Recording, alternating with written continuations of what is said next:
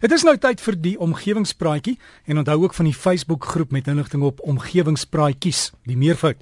Maar ons sê vir Kobus van der Walt, professor by Noordwes Universiteit, goeiemôre. Hallo Kobus.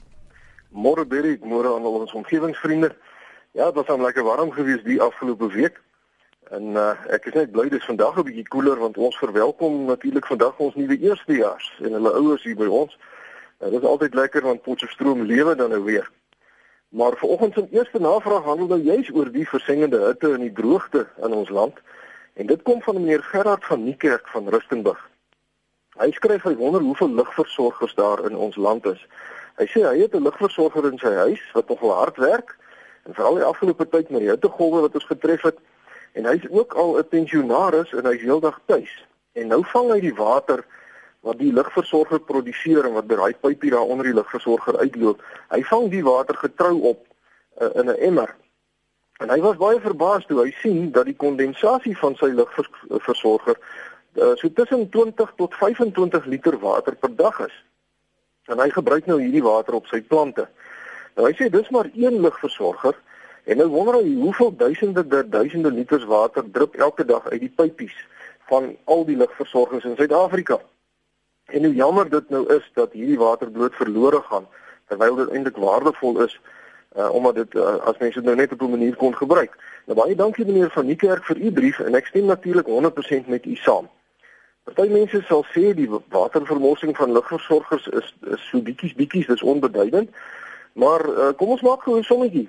Uh, kom ons neem aan daar is uh, sê net maar 1 miljoen lugversorgers in Suid-Afrika en as elkeen van hulle nou 20 liter water per dag vermors, dan praat ons van 20 miljoen liter water per dag. En as mens dit nou na 'n jaar toe vat, dan is dit 7,3 miljard liter water per jaar. En dit is genoeg water om in al die behoeftes. Ek praat nie net van drinkwater en om kos te produseer nie, maar ook om produkte te maak en om krag op te wek. Al die behoeftes van 50000 mense vir 1 jaar lank te voorsien. En die probleem is natuurlik hoe mense nou die paar liter water van elke lugversorger uh, bymekaar kan maak. Uh maar ek dink meneer van die kerk se idee is korrek. Uh jy weet dat ou nou nie kyk na die totale hoeveelheid water nie, maar as elke mens nou maar net sorg dat die bietjie water wat onder sy lugversorging versamel, nou nie verlore gaan nie, maar gebruik dit minstens net vir iets nuttig, soos om plante na te gooi.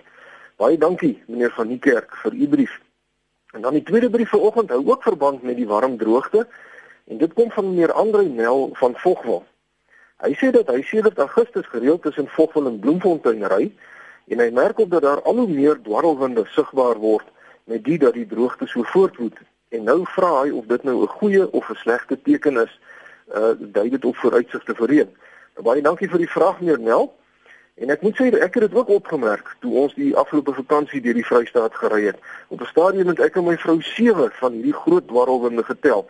En sommige van hulle het regtig nogal gelyk soos mini tornado's, so groot was die goed. Nou om die vraag te beantwoord of sulke dwarrelwinde nou 'n goeie teken is of nie, moet mens nou natuurlik net kyk wat so 'n wind is. En dit is bloot uh die meganisme om energie uit te ruil tussen die oppervlak van die aarde en die hoër dele van die atmosfeer.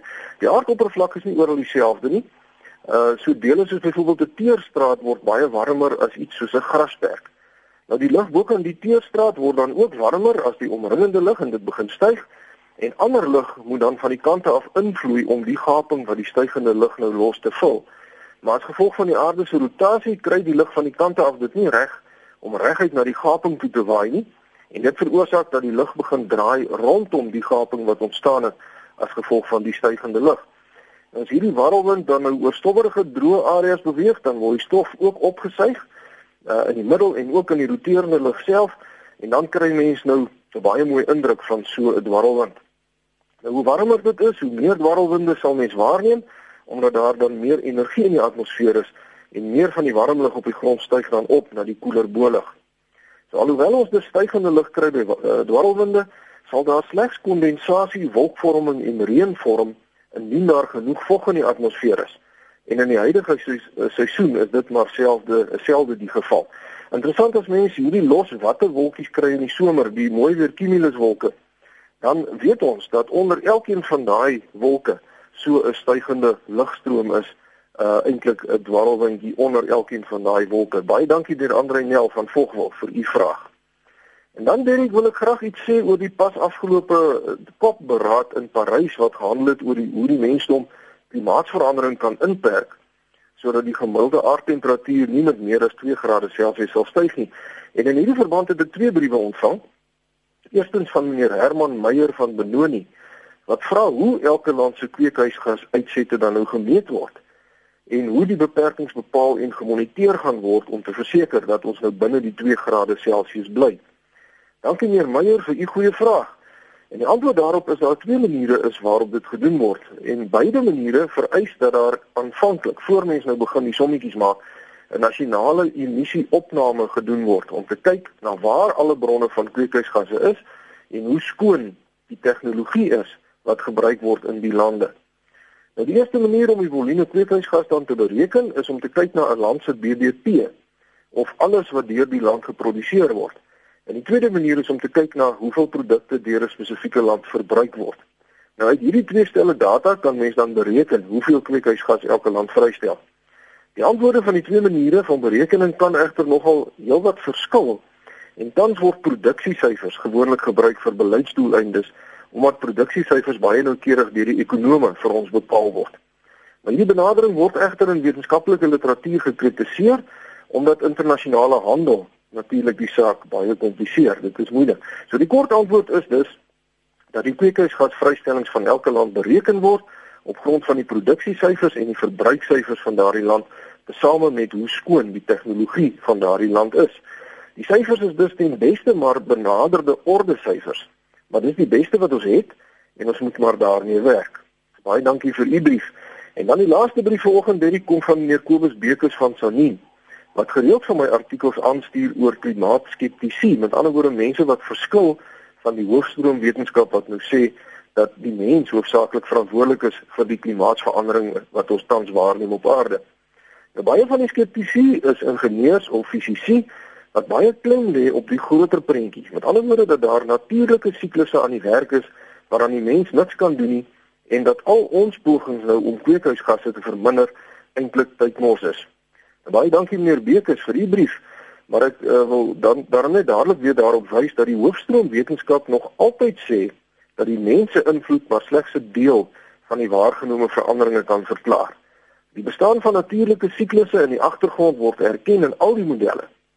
En iets waarvan ek egter nou nie die sin van mooi verstaan nie, is die voortdurende geredekawel oor presies wat of wie vir klimaatsverandering verantwoordelik is. Dis soos 'n tonnel, jy weet dit kom mense staan in 'n tonnel en daar kom 'n lig aan, nou stry die ouens is dit 'n bus of is dit 'n trein. Die punt is dat die aarde se klimaat besig is om te verander en of die mens nou vir 10% of vir 25% van die verandering verantwoordelik is, dit is eintlik irrelevant. En daar is bovendien geen manier waarop alle lande gedwing kan word om by ooreenkomste wat nou by hierdie kopberade bereik word te hou nie. En ek is seker dat baie lande in alle geval eintlik maar net lippediens aan hierdie saak pleeg want na die beraad gaan hulle maar net weer aan soos altyd. So my oortuiging is dat die mensdom homself veel eerder moet begin toespits op navorsing oor hoe ons kan oorleef in die volgende eeu of twee.